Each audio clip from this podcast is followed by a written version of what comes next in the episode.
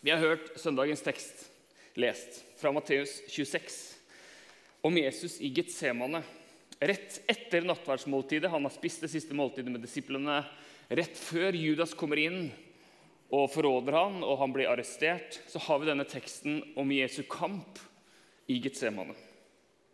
Og Jesus han eh, ber tre av sine nærmeste disipler det var, slags, det var, jo noen grupper. Det var tre, og så var det tolv, og så var det 70, og så var det 120, og så var det tusenvis.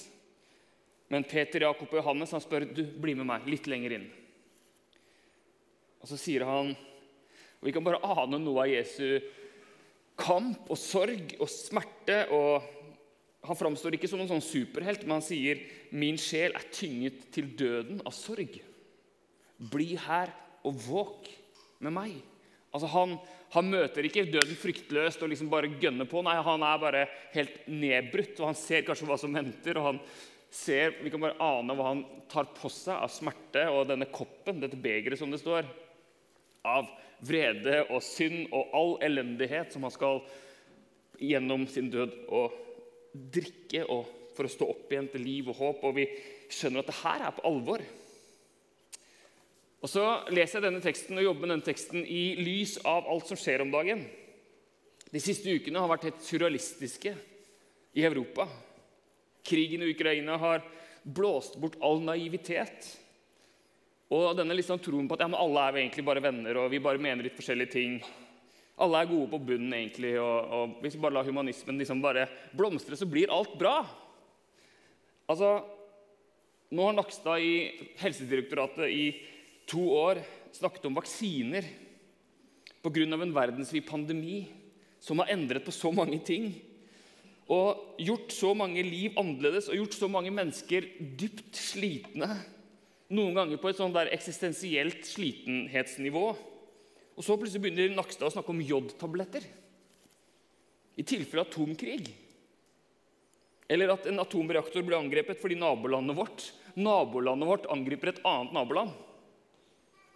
Og vi får samtykkeskjema tilsendt fra skolen ikke på de, om de kan legge ut bilder fra en eller annen trivelig aktivitet, men er det greit at vi, sender, at vi gir barna jodtabletter i tilfelle atom, atomhendelse? I 2022 Altså, hva skjer med verden? Nå skulle jo alt bli bra. Disse regnbuene Nå var vi ferdig med pandemien. Nei, da starter vi krig isteden. Og nå er det ikke sånn at mennesker ikke over hele vår verden opplever krig til stadighet. Og egentlig så det jo, blir det jo mindre av det. Det er mer fred i verden nå enn det har vært noen gang. sånn totalt sett. Men så har vi bare vært så utrolig heldige da, her oppe i nord vi som har hatt så sykt flaks å bo her. Likevel, de siste ukene så tilspisses tingene. Og det kan fungere som en oppvåkning. En oppvåkning. Det blir litt klarere hva som står på spill i verden. Eh, det sies at troen på demokrati er synkende blant unge folk. At man ser ikke helt poenget med demokrati. og engasjere seg i et politisk parti og stemme ved valg. Og hva er egentlig poenget med det? Så lenge jeg, har, så lenge jeg har wifi eller nett, nettilkobling, så er det ikke så veldig viktig med styresett. Eller hva er egentlig poenget med det? Jeg tenker at Er det noe som kan komme godt ut av det som skjer nå, så er det en slags oppvåkning, og vi kan fortelle barna våre vet du hva, det betyr noe. Hva du kjemper for. Det betyr noe hva du engasjerer deg i. Styresett har betydning. Det betyr noe hva slags politikere vi velger. Det er ikke ett fett om vi har demokrati eller autoritært regime. Menneskesyn har betydning. Menneskerettigheter, personvern, pressefrihet, ytringsfrihet, religionsfrihet Det er ikke bare vage, betydningsløse ideer, men helt fundamentale virkeligheter som får betydning. Spør de som bor i Russland, som vil opponere mot myndighetene. Eller de i Ukraina, som våkner opp til lyden av bomber. Ideologier, menneskeverd, politikk Det er ikke likegyldig med den sangen som heter 'Verdens håp'. Jeg spurte om vi kan vi åpne denne gudstjenesten med den sangen som heter 'Verdens håp'. Som vi sang i starten av gudstjenesten. Jesus, du er verdens håp. Ja, ikke ennå, Ruben. Jeg skal, snart be deg om å synge en sang til. Takk. Det er faktisk om veldig kort tid, så du kunne egentlig bare gått opp. Men ok. Kan vi bare begynne med den, den sangen? At Jesus, det er du som er verdens håp. For vi tror at lys er sterkere enn mørke. Vi tror at sannhet er viktigere enn løgn og sterkere enn løgn. Vi tror at kjærligheten overvinner døden. Og vi må på en måte bare proklamere det. Det er ikke likegyldig om det er lys eller mørke. Eller, det, er ikke, det er ikke likegyldig om det er sannhet eller løgn. Eller, det er ikke likegyldig hva vi tror, hva vi leser, hva vi ser og hva som får prege oss. Og Vi kan jo lulle rundt i en sånn småborgerlig liv og bare tenke på liksom, eh, prisvekst og hvor skal barna mine være i barnehagen, og hvordan går det på jobben. Og, og liksom, men, ja, men det, er liksom, det, er store ting på, på spill. da. Vi må være våkne. Og så er det en sang som har surra i bakhodet mitt de siste dagene, i tillegg til verdens håp. Nå har jeg tenkt å jobbe med denne søndagens tekst i lys av verdenssituasjonen. og Det er en sang av Svein Ellingsen som heter 'Noen må våke'. Noen må våke nå, Ruben. kan du komme? For Jeg spurte om vi kunne synge denne som en del av preken. Denne salmen er sikkert veldig godt kjent for noen, og helt ukjent for andre. Vi har aldri sunget den her, tror jeg. i hvert fall ikke som jeg kan huske. Eh, men nå skal vi synge den salmen. Den er veldig sånn rett fram. Men Ruben spiller først melodien en gang. Så synger vi de tre versene i salmen 'Noen må våke'. Så skal jeg fortsette å preke etterpå.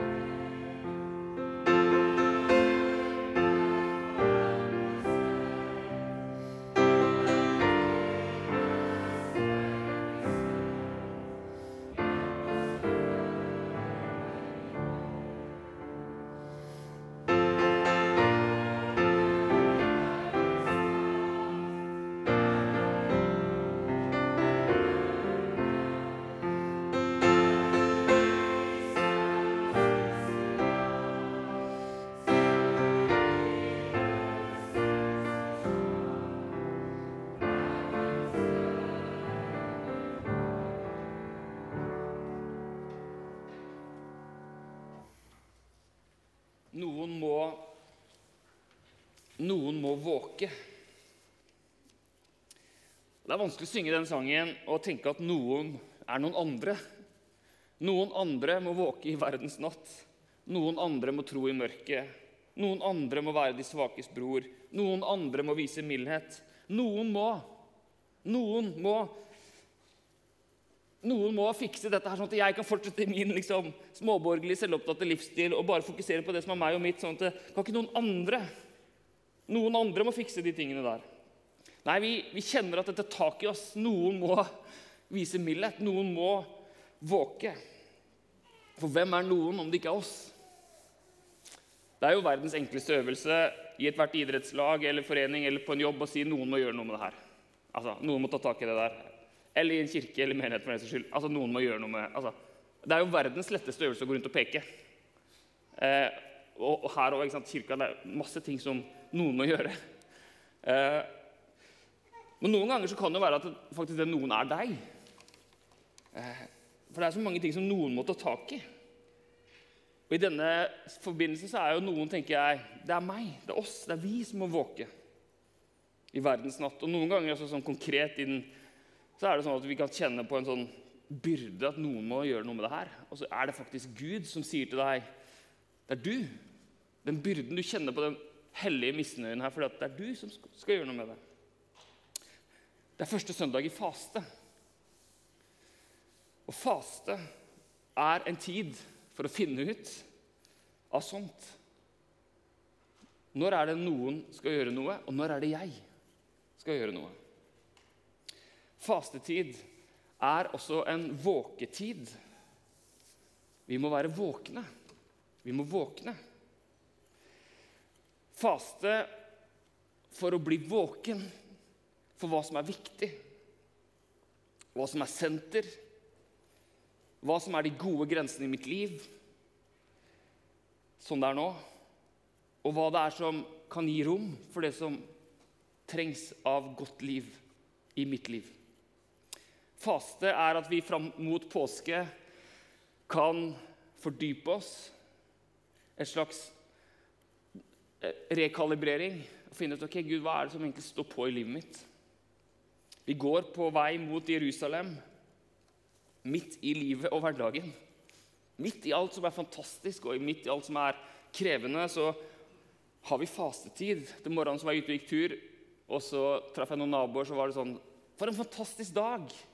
Ja, wow, det er så fint! Og så samtidig så, så jeg på nyhetene og tenkte at det er bra jeg ikke våkner i Mariupol i Ukraina. liksom. Og det er bare sånn kontraster. Altså, jeg er på vei mot Jerusalem. Og der framme i påske, på første påskedag, så skal Jesus vinne over ondskapen, beseire døden igjen. Og Påske er en feiring at det faktisk skjedde en gang. Og det er det vi tror og håper skal skje en gang der framme. For alltid. Og så lever vi nå midt imellom denne faktiske seieren over døden, og at vi faktisk venter på den endelige frelsen. Men påske er også en feiring om at ja, men faktisk, lyset er sterkere enn døden. Livet er sterkere. Lyset er sterkere enn mørket. Livet er sterkere enn døden. Sannheten er sterkere enn løgnen. Vi feirer det i påske, og vi er på vei dit nå. Men mørket, døden og løgnen kjemper hardt. Ondskapen er reell, og djevelen er virksom. Så vi må våke. Være våkne. Jesus sa, 'Vil dere våke med meg?' Våk med meg, for jeg kjemper en kamp. Det er ikke likegyldig som sagt, hva vi tror på, hva vi kjemper for, hvilke ideer vi gir plass i vårt liv. Og Jeg maner ikke til noe lettvint, overfladisk kulturkrig her. Men vi må litt lenger ned. Fasten lodder dypere. Det handler ikke først og fremst om å våke for hva som er galt der ute, og liksom finne ut, være våken for hva som skjer der ute, men, men hva er det som skjer i meg om dagen? Hva er det som får plass i mitt liv? Hvilke ideer er det som får stadig større plass? Eh, hvor er det jeg plasserer ja, de faktiske verdiene mine, men også de, de, alle de andre verdiene? Hva er det jeg gir rom? Hvilke tanker gir jeg rom? Hvilke hvor plasserer jeg Hva er senter, senter i livet? Så kan vi også våke fordi at vi noen ganger skal si hva som er feil der ute. Vi skal ha en profetisk røst videre som kirke. Men, men fasten handler også om mitt eget liv. Jeg må være våken for hva skjer i mitt liv. Hvordan står det til i mitt liv? Hvilke strømninger er det som får stadig større plass i livet mitt? Er det konsum, konsumerismen? Er det spa-tilværelsen? Er det kampen om at jeg skal redde barnet mitt og sørge for at det får det helt fantastisk. Og så er det på en måte noe bra med det, men samtidig du kan, du, Det er ikke ditt ansvar alene, osv. osv. Hvilke ideer er det jeg reelt lener livet mitt mot? Da stiller jeg mange spørsmål her som vi kan ta med oss inn i fastetiden. For hvis faste er en sånn slags revisjon av status, så kan jeg prøve å be denne bønnen Gud, vis meg hva jeg skal Åpne øynene mine, så jeg kan våkne. Sånn at jeg kan se. Våk og be om at dere ikke kommer i fristelse, sa Jesus til disiplene. Våk og be om at dere ikke kommer i fristelse. Kanskje det er en bønn for denne fastetiden. Hvilke fristelser er det jeg er tilbøyelig til å gi etter for? Hvilke fristelser er det jeg er tilbøyelig til å gi etter for? Og da snakker jeg liksom ikke på nivå med sukker og sitte litt for mye i sofaen men liksom litt dypere. Hvor er det jeg som sagt, er frista til å plassere min verdi eller mine verdier på noe som ikke fortjener det, og som ikke kan bære vekten?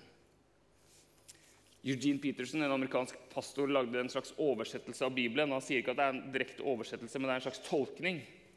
Og i denne teksten for i dag så sier Jesus til Peter i The Message-versjonen, Petersens versjon Jesus sa til Peter, 'Kan du ikke holde ut sammen med meg en eneste time?'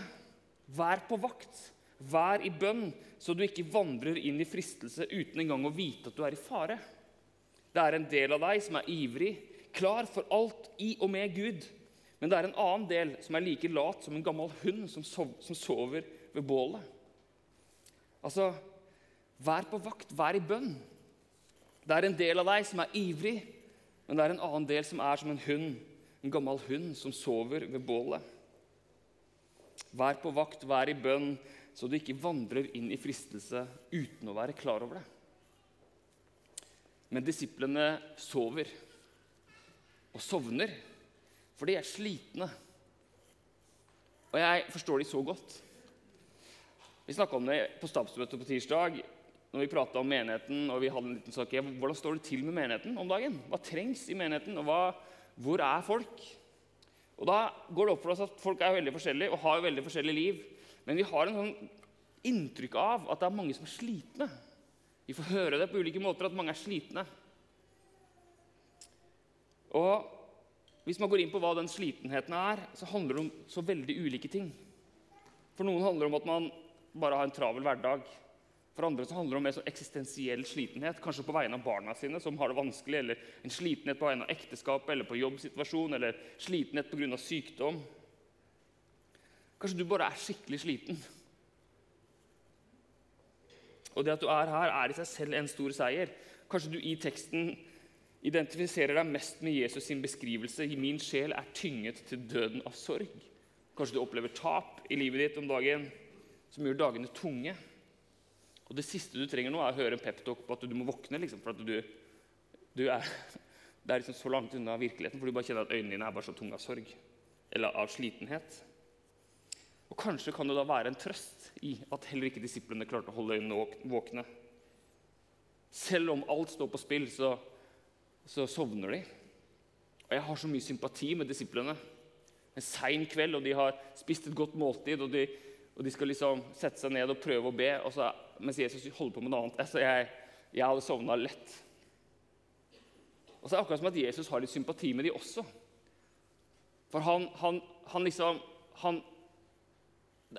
han, blir jo liksom er, Sover dere fortsatt? Eller sovna dere igjen? Men det er liksom ikke sånn der, han har vært mye tøffere med de andre ganger. Hvor han bare kjører på og høvler over dem. nesten, skulle du si. Her er det liksom litt mer forståelse i Jesus. Og i den tredje gangen Jesus, tredje gangen disiplene sovner, så kommenterer han ikke engang. Han lar de bare fortsatt sove. Og så går han og ber.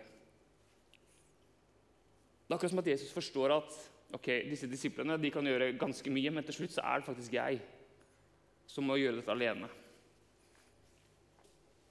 En gang jeg var skikkelig sliten av å være kristen og pastor og alt mulig, for noen år siden, så møtte jeg denne teksten og istedenfor å høre den som et krav du må våke, du må steppe opp, du må våkne, du må be hele natta. Så var det, så var det trøst, fordi at disiplene sovna. Men så gikk det bra likevel. Fordi Jesus er til slutt den som må ta det korset han måtte ta. Jeg kan ikke gjøre det. Jeg kan gi jernet, jeg kan gi alt. Jeg kan stå på og bruke alle mine talenter, energi, ressurser, alle mine bønn og alt mulig. Men til slutt, tross alt, så er det Jesus som kjemper den kampen alene.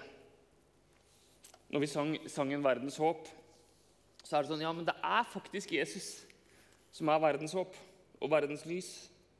Og Jeg har tulla litt med den sangen før, og det er lenge siden jeg har brukt den. for det er litt sånn, noen ganger når alt er bra og vi synger Jesus, det er bare du som redder oss fra angst og fortvilelse, eller hvordan er det, bare du som redder oss fra fortvilelse og angst, så har jeg tulla litt med at det hjelper også med en god psykolog.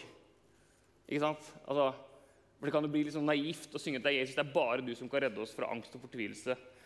For vi tror jo også at det er veldig mange andre ting. Men sånn på dypet, lengst ned, så tror jeg at det er sant. At det er bare Jesus som kan ta det siste steget og gå inn og ta på seg all smerte, all sorg, all fortvilelse, all krig, all vrede. Det er bare Jesus. Så må jeg våke. Jeg skal være med så lenge jeg kan, Jesus. Men til slutt så stoler jeg ikke på meg selv. Jeg stoler ikke på mine egne oppfinnelser. Jeg stoler ikke på at teknologi skal redde verden. Jeg stoler på at Jesus, at det er noe i, i det du gjorde, i din død oppstandelse. På dypet lengst ned så tror jeg at verdens frelse og min frelse ikke avhenger av meg og oss, men av Jesus Kristus. Så til slutt, uansett hvor mye vi kjemper og ber om å stå på og være våkne for hva som skjer i verden og i våre liv, så er det Jesus som tar kampen på korset. Det er han som kjemper i dødsriket, som vi sa i trosbekjennelsen i stad. Det er han som står opp igjen. Men nå er vi på vei mot Jerusalem. Vi er på vei i faste. Vi kan bruke denne tiden for å se Gud, hva er det i livet mitt nå som gir liv. Hva er det som gir død eller mørke? Og så prøve å rydde litt og si, Gud, kom med frelse. Kom med lys. Kom med sannhet de neste ukene, sånn at vi kan møte oppstandelsen med stor jubel. Vi skal be, og så skal vi høre en sang. Herre, takk for at det er du som er sannheten, det er du som er lyset, og det er du som er håpet. Og Vi synger ikke det i en sånn naiv eh, tro, men i en sånn grunnleggende eksistensiell bekjennelse, Herre. Så tror vi det. Så klager vi til deg, Gud, for at du ikke du fikser og ordner opp raskt nok. Vi syns det er skikkelig kjipt. Herre, kom med frelse. For alle de i kirka vår som er slitne og som er syke og som opplever krise. Men for alle i hele verden, Herre, kom. Vis deg. Og så ber vi også for oss, hver enkelt en av oss i denne fastetiden. Hjelp oss til å være våkne og og la denne tiden bli en tid hvor vi kan få opp øynene for alt det fantastiske du har gitt oss. Hjelp oss til å sortere, til å gi deg større plass. Herre, se i nåde til oss, også når vi sovner. Og takk for at vi kan se på deg, løfte blikket og vite at det er du som er vår frelser og er verdens frelser. Amen.